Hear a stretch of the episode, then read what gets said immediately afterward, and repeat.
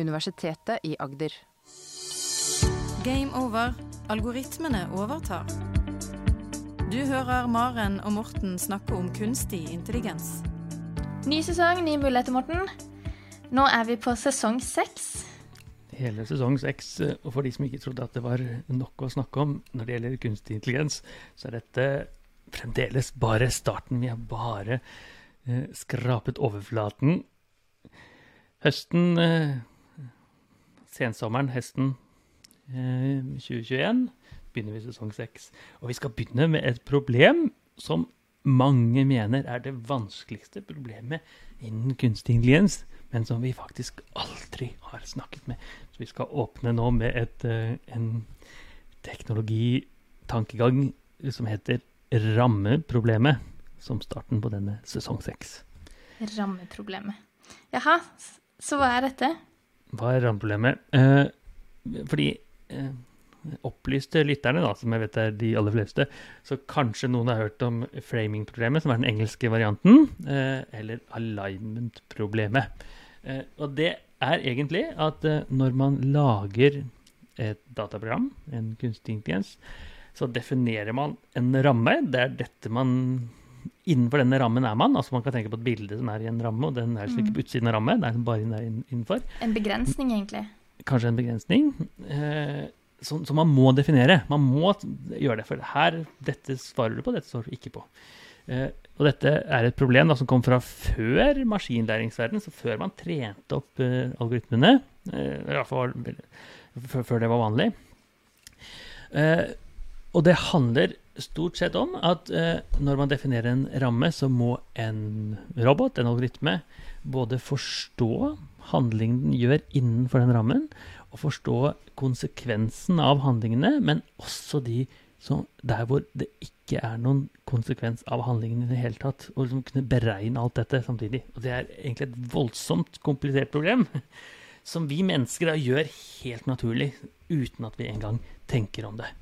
Så her er det egentlig mange sånne uh, små ord og teknologier som vi må rydde litt opp i før vi kan egentlig begynne å snakke voldsomt om dette rammeproblemet. Ja. Så det første vi kanskje kan snakke om, det er jo hva er en ramme? Eh, så, eh, Og da tenker vi ikke en sånn treramme eller noe sånt. Ikke en men bilramme. et. Men man kan altså assosiere det med de banene, for det er det samme, da. Eh, og en ramme er jo egentlig eh, den, det området hvor eh, et dataprogram får lov å jobbe. Så det er det den gjør. Og hvis vi prøver å tenke det litt i sånn menneskelig setting først Ofte så er det litt å tenke på hvordan er det vi mennesker holder på. Mm. Eh, så er det en veldig kjent eh, setning som jeg har oversatt fra engelsk, og den setningen går som følger. Det er Jacks bursdag. Mary og Jane skal til Jack.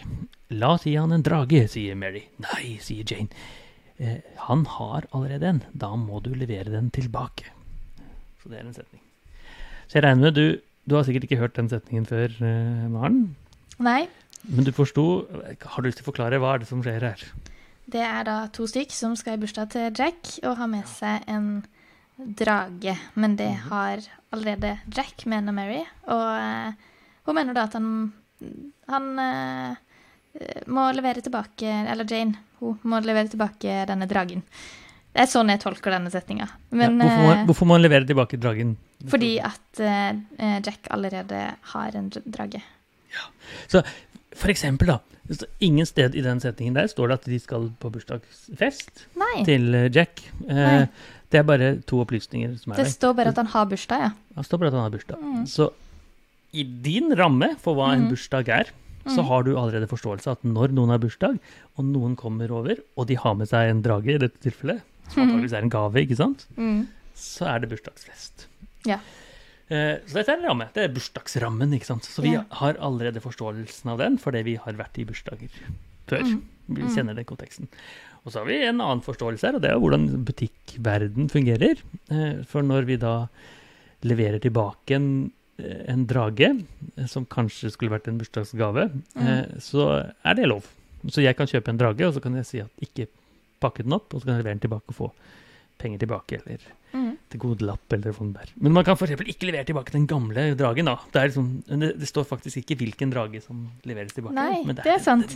Det, men det er den nye dragen som leveres tilbake. For det Mm. vet vi, ikke sant? Ja. Grunnen til at man sier dette, er jo at, eh, at, her viser det hva som egentlig må læres eh, av en kunstig intelligens, eller forstås av en kunstig intelligens, Mm. for å skjønne hva som skal skje her. Så hvis vi spør da, hvilken drage skal leveres tilbake, så vil den ikke klare det.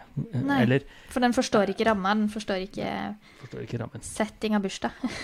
Og så kan man tenke seg da, at ja, alt dette kan man programmere. Man kan programmere inn den, den eh, rammen bursdag, at da er det fest osv. Eh, og man kan programmere inn masse rart. Eh, Men uansett hva man programmerer inn, så vil det være så mye å programmere inn at, Ja. at det er en helt eh, utenkelig tanke eh, rundt dette. Og det grenser til det vi kaller da sunn fornuft hos oss Mm. mennesker. ikke sant? Når man har bursdag, så har man med seg gave. og det er sånn, sånn er livet. Og så har vi 10 000 sånne andre rammer, eller kanskje mange flere enn det også. Skoleramme, butikkramme, bursdagsramme, Mm. podkastramme, eh, hilseramme. Som da endra seg litt under korona, ikke sant. Og, så, Mm.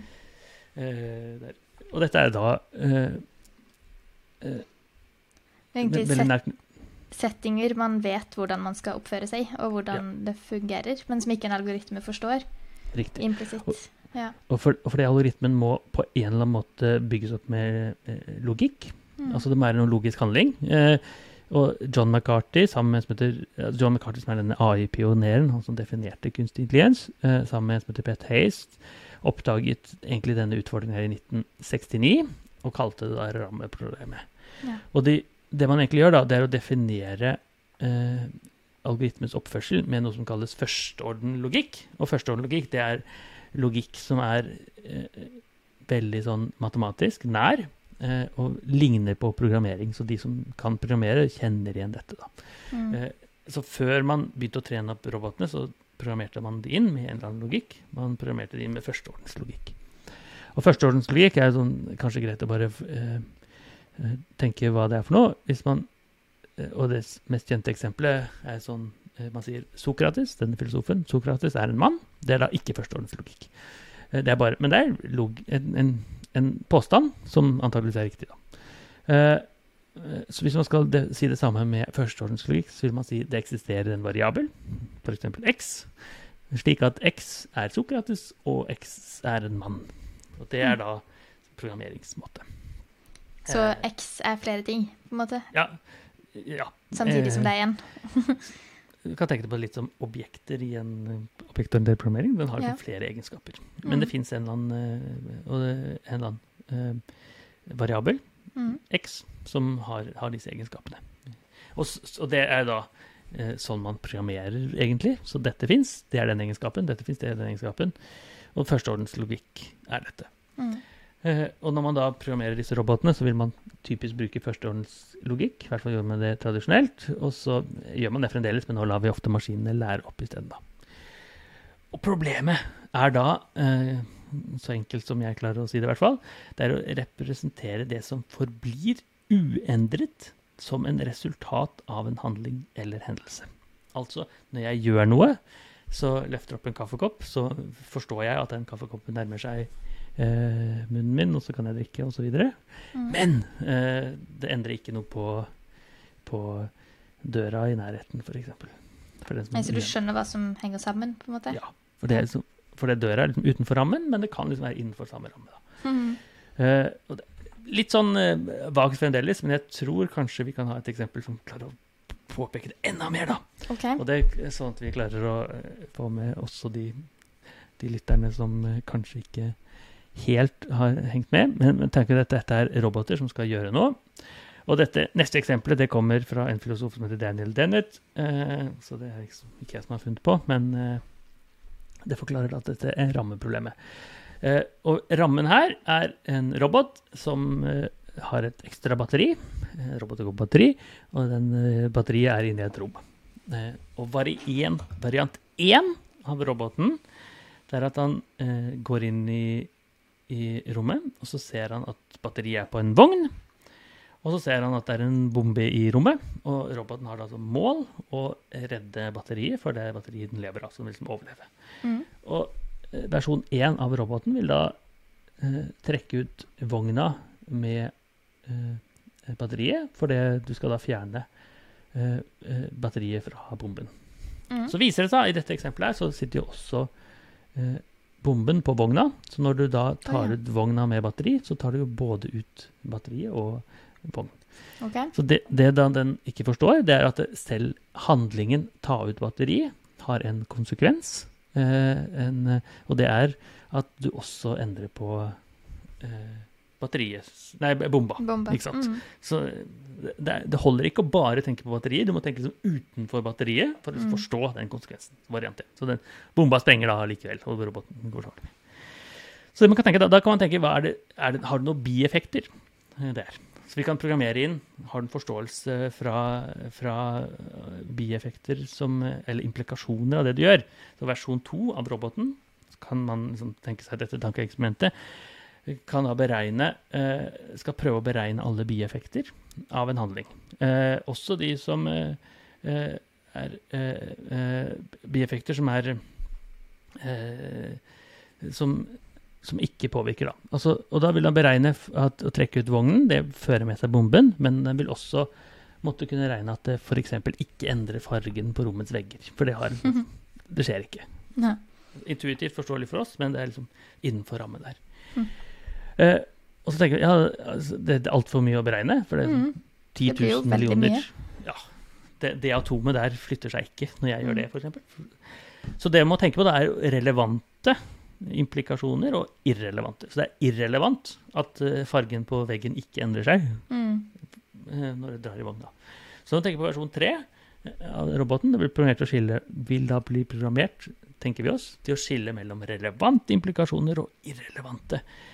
Og det som i praksis skjer da, at han må regne ut millioner av implikasjoner og la de relevante eh, være i en liste over fakta, og irrelevante være i en annen liste. Og siden dette har da millioner av eh, konsekvenser, så er det eh, sånn universets levetidsutregning å finne ut av det. Ja. Eh, og til slutt så vil det da bomben penger, for det rekker ikke. Og den tikker av gårde. Mm. tenker jeg. Så Daniel Dennett, denne filosofen, sier da at her har vi en, en ramme som er eh, veldig tydelig. Og for oss mennesker forstår vi da tydelig hva som gjøres, fordi vi har sunn fornuft. Vi skjønner at fjern bomben fra det. I prinsippet så kan vi jo lære opp en robot til å gjøre det samme, men eh, da kan du bare tenke deg et, eller annet eksempel hvor som er litt annerledes. Mm. Ikke sant? Eh, kanskje ser døra litt annerledes ut enn den har gjort. ikke sant? Plutselig oppdager man en ny dørklinke. Det er så masse masse eksempler man kan tenke. Oh, ja. Går litt utenfor rammen. ikke sant? Da forstår så, de ikke likevel. Da forstår de ikke likevel. Eh, fordi vi har programmert i den logikken. Mm. Eh, og altså, dette er da eh, Poenget er, for å skjønne konsekvensen, også de konsekvensene som blir uendret, rammeproblemet, så må man ha enorme mengder logikk. da. Så helt uh, utenkelige. Eh, og når man da trener opp disse maskinlæringsalgoritmene, som er trenden nå, så er det, eh, er det en forskjell på eh, en statistisk sammenheng, korrelasjon, altså hvis jeg gjør dette, så skjer dette. Eh, hvis, hvis dette skjer, så skjer dette. Og kausalitet, altså. Eh, ene påvirker det andre. Så når du drar i vogna, så eh, påvirker det bomben, mens Mm. hvis noe bare skjer sånn sporadisk tilfeldig, så er det en statistisk sammenheng. Og mange hevder da at, eh, og de har rett i det, at eh, maskinlæring trener egentlig bare Det er en sammenheng mellom disse to tingene, men ikke nødvendigvis at den ene påvirker den andre. Mm. så når, jeg, når en robot åpner en dør, eh, så skjønner den bare at det er en sammenheng mellom å dra ned der og døra åpner. Mens Mm. vi mennesker forstår at pga. at jeg drar i døra, eller drar i vogna, så påvirker det handlingen etterpå. Så den type kausalitetsforståelse er eh, vanskelig for roboter. Så vi kan på en måte ta en, noe vi lærer i en ramme, over til en annen ramme, og forstå at eh, det er det samme, mens en algoritme vil eh, oppfatte det som helt, en helt ny case, hvis det er en litt annen dørklinke, f.eks. sagt mye bedre enn det jeg sa det. Helt riktig. Dørklinke er et godt eksempel. ikke sant? Jeg kan trene en robot med 500 dørklinker. Mens den 501. ville kanskje være litt annerledes, og kanskje ikke forstå konsekvensen. Så vi har liksom den intuitive forståelsen. Det er et eller annet å ta i, vri, dytte ned. Mm. Uh, og det er uh, uh, Så dette er jo da grunnen til at det fungerer så godt for ja, la oss si enkle problemer, men for sånne ting som språk fungerer kunstig intelligens dårligere. Men så har det endret seg i det siste, da. For det for eksempel sjakk er jo et sånt uh, problem. ikke sant? Man forstår Når jeg flytter bonden der, så har det en konsekvens på den delen av spillet, men ikke på den delen av spillet. Ja. Så det er liksom en sånn konsekvens der. Men veldig sånn enkle problemer. Uh, og folk tenker da at den eh, sunn fornuften, altså hva er konsekvensene både i tid og rom og i hverdagen generelt, det er, liksom, det, er det mye av det intelligens er, menneskelig intelligens. ikke sant? Mm. Eh, vel, man kan eh, Og så er det jo da eh, I 2010, som er en del år siden nå, eh, altså før egentlig den store AI-revolusjonen som skjedde, så er det en, en filosof som heter John Haugland. Jeg er us- us- usikker på hvor han kommer fra, men kanskje er det norsk. det høres litt sånn ut.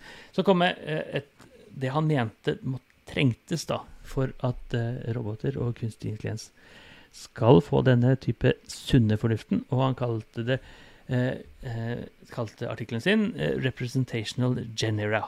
Altså, det betyr altså dette den representasjonsforståelsen trenger kunstig intelligens på en eller annen måte for å vise sunn fornuft. Mm. Og han forklarte da to sånne eksempler hvor, eh, eh, hvor den gangen eh, Nå spoiler vi litt slutten av episoden her, men den gangen be- eh, roboter absolutt ikke hadde, og det er å beskrive et bilde. Et helt nytt bilde som Ja. aldri har sett før. Ikke kategorisere hund som hund og katt som katt basert på masse trening, men altså beskrive et helt nytt bilde. Når den aldri har eh, vært borti. Aldri har vært borti. Nei. Det kan vi, ikke sant? Vi ser et bilde av en, eh, et nytt dyr eller et eller annet. Så kan vi på en måte beskrive hva som skjer allikevel. Mm. Eh, eh, eller tegne et bilde fra en beskrivelse. Det kan være hva som helst. Det kan være tegne en, en sko som er eh, tre ganger så stor som en vanlig sko, f.eks. Ja. Aldri sett det før, men eh, allikevel så klarer vi mennesker det. Det Mm. Men de to tingene, sunn fornuft-biten, er da Det er ikke hos algoritmen? Det var ikke hos algoritmene. Oh. Så det er, Det eh, er. selvfølgelig, selvfølgelig det, er, det er ikke der ennå. Men eh, igjen, da. kanskje vi ser en liten grann, eh, endring for dette nå. Hmm, Spennende. To, sånne algoritmer som kommer fra OpenAI-miljøet, begge to. Eh, Elon Musk sitt eh, eh, initiativ. Mm. Vi har snakket om GPT3 og flere andre der. En av de heter Clip. Det er en type algoritme som bruker mye av de samme sånn attention-prinsippene som vi snakket om med proteinfolding og alt dette her. Men, eh, eh, og det, Clip står for Contrastive Language Image Pre-training. Eh, og det, det er noe som heter eh, bruker noe som heter zero shot learning. Nå ble det mange ord her. Zero shot betyr jo at du eh, lærer noe helt nytt. Ser et nytt bilde. Ikke trent opp 10 000 eller 10 millioner ganger, men eh, nok, da. Og, og, og grunnen til at dette kommer, er jo at disse dype læringsmetodene trenger store datasett, og det er tungt å lage datasettene, og det er liksom tungt å trene de opp. Og den er da trent opp på en spesiell måte. eh, og Begge disse algoritmene er så spesielle at det kanskje vi skal ha egen episode bare på det, tenker jeg. Men de er sånn trent opp på sånn zero shot-måte. Og, og vi Her kan vi se noen bilder. altså mm -hmm. de, Lytterne ser ikke bilder, for dette er et hørende medium. Men vi kan jo enten så kan de se på vår Facebook-sted for de samme bildene, eller Kan så kan vi vi finne artikkelen. Mm -hmm. Mm. -hmm. Så det første bildet her eh, eh, Har du lyst til å forklare hva du ser på det bildet, Maren? Ser du hvor jeg peker? Eh, Nei, ikke helt. Så- Eh, Hvis, jeg kan forklare det første bildet. Så det første bildet er jo da eh, noe som eh, også algoritmen forklarer. Og det er noe grønt med et eller annet på toppen. Og algoritmen sier da at dette er et photo of guacamole. ja, toppen. nå ser jeg hvor du er. Så, Ja. så, så det er altså en sånn Ser litt annerledes ut enn guacamole vanlig, men guacamole har ikke da finnes i treningssettet. Men Oi. allikevel så presenteres det uten der. ja, for jeg vet ikke om jeg hadde klart å se at det var guacamole, selv om det er grønt. ja, det, Spiser du mye guacamole, forresten, eller? Ja, Ja. Ok, så kanskje jeg er litt utenfor den vanlige guacamolen. Men eh, mest av at er satt i en sånn form. Guacamole er ofte litt Ja. eh, rennende, men dette er jo satt i en sånn rund Men det, det illustrerer poenget veldig godt. ikke sant? Mm. Det, eh, så dette er en ny måte å se guacamole på. Mm. kan, eh, både fins ikke guacamole i treningsdataene, men allikevel så klarer den å presentere det ut. Og det, det fins jo lignende Det er ikke sånn at den finner på ordet guacamole seg selv, det fins jo i de forholdstrente dataene, men akkurat bilder av guacamole har den ikke sett. før. OK, men den har fått ordet før. Absolutt, den har fått Og ordet. beskrivelse av hva det er, kanskje? Eh, ja, det er i hvert fall ikk- ja, eller det er i hvert fall data hvor guacamole er brukt. Som da, Ja. så disse er jo da trent eh, med enorme mengder data fra Wikipedia og hvor det skal være. Og det står ikke sånn helt sånn logisk beskrivelse guacamole er sånn og sånn og sånn, men det plukkes opp som en trend fra det. da. Mm. Mm.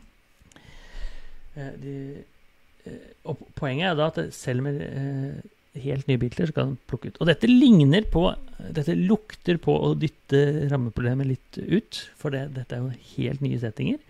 Så selv om det ikke handler om handlinger og konsekvenser og hendelser, og sånn, så er det en liten forståelse av verden som man ikke har sett før. Ja. Helt nytt bilde. Så eh, Har du lyst til å se, se bilde nummer to der? Hva vil du forklare det som? Så kan vi forklare for lytterne. Ja, nå skjønner jeg hvilke sider du er på. Jeg var en side for langt ned i stad. Uh, nå ser jeg et uh, TV-studio, ser det ut som. Eller et eh, Ja, det er en, et kamera, og det er forskjellige bord med personer som står Noe som jeg tenker kanskje er en debatt. Ja, ja, ja godt. Så du klarer jo da, selv om du kanskje ikke har sett akkurat dette studiet før, så klarer du å forklare innholdet av det. Og det, og det er akkurat det algoritmen klarer også, for den Mm. forteller da at dette er foto og television studio. Ja, Eh, litt annerledes. Litt annerledes enn det vi eh, seere ser. For det er på en måte på baksiden av studio eh, Mm. en eller annen gang. Vi ser jo gjerne gjennom kamera, men eh, litt siden forstått. Poenget er dette er da en litt annen kontekst enn det vi, vi er vant til. Enn det den er matta med. Algoritmen òg. Mm. Så dette var da forklaring av bilder, eh, mens eh, et annet eksempel er at du tar en tekst, og så skal du tegne et bilde fra den teksten. Ja. Eh, og der har OpenAI kommet med en eller, Algoritmen ligner litt, men den ser litt motsatt. Det heter mm. Dali. Dalle på norsk, eventuelt. Jeg er ikke usikker på hvordan man uttaler det. Eh, men hvis, eh, hvis vi nå Da kan vi gi den altså en tekst, og så kan den tegne bilder fra teksten. Som så var det den andre tingen som eh, filosofen ikke mente at kunstig intelligens kunne. ikke sant? Den kunne ikke forklare et bilde, og den kunne ikke tegne et helt nytt bilde. Nei. Ut fra noe den ikke har sett. Ja, Så hvis jeg tar det første bildet, så ser vi da Der er teksten eh, på engelsk. da, An illustration of a baby eh, daikun radish, reddik, in a tutu walking a dog. Altså en reddik som har på seg en skjørt som eh, går med en hund. Og så er det oppgaven til kunstig intelligensen, som aldri har trent på eh, eh, skjørt eh, Eller eh, reddiker som kler seg ut og går med hunder, Mm. men som allikevel klarer å tegne, tegne. Men har sett en hund, da, på en måte? Eller? Den har antagelig, eh, så akkurat hva han har sett, det er jeg faktisk ikke, ikke helt sikker på. Men antageligvis har den sett en hund, og han Ja. har sett- sett en reddik, og han hadde antageligvis Mhm. sett et skjørt. Men konteksten sammen vil ja, da være det har den ikke sett. Og, jeg, og andre eksempler syns jeg er enda bedre. Har du lyst til å ta det? Hva, hva står teksten der? Eh, der er det da en eh, At det skal lages en eh, Tegnes en, eh, ar et armlen eller stol. Armlenestol. Mm -hmm. eh, som er forma som en avokado. og eh, her ser vi flere bilder av en stol som ligner på en avokado. Og det er ganske god eh, Det er ganske tydelig å se at det er avokado som er etterligning eh, og inspirasjon for stolen. Så jeg, sånne stoler har ikke jeg hjemme hos meg, men jeg har aldri sett det heller. Nei, men de ser ganske gode ut å sitte i, syns jeg. Altså, ja, ja, kanskje. Eh, eh, Bortsett fra den klumpen eh, som er steinen, kanskje. Men den steinklumpen midt i der. Som ser ut som en pute også, kanskje. Ja.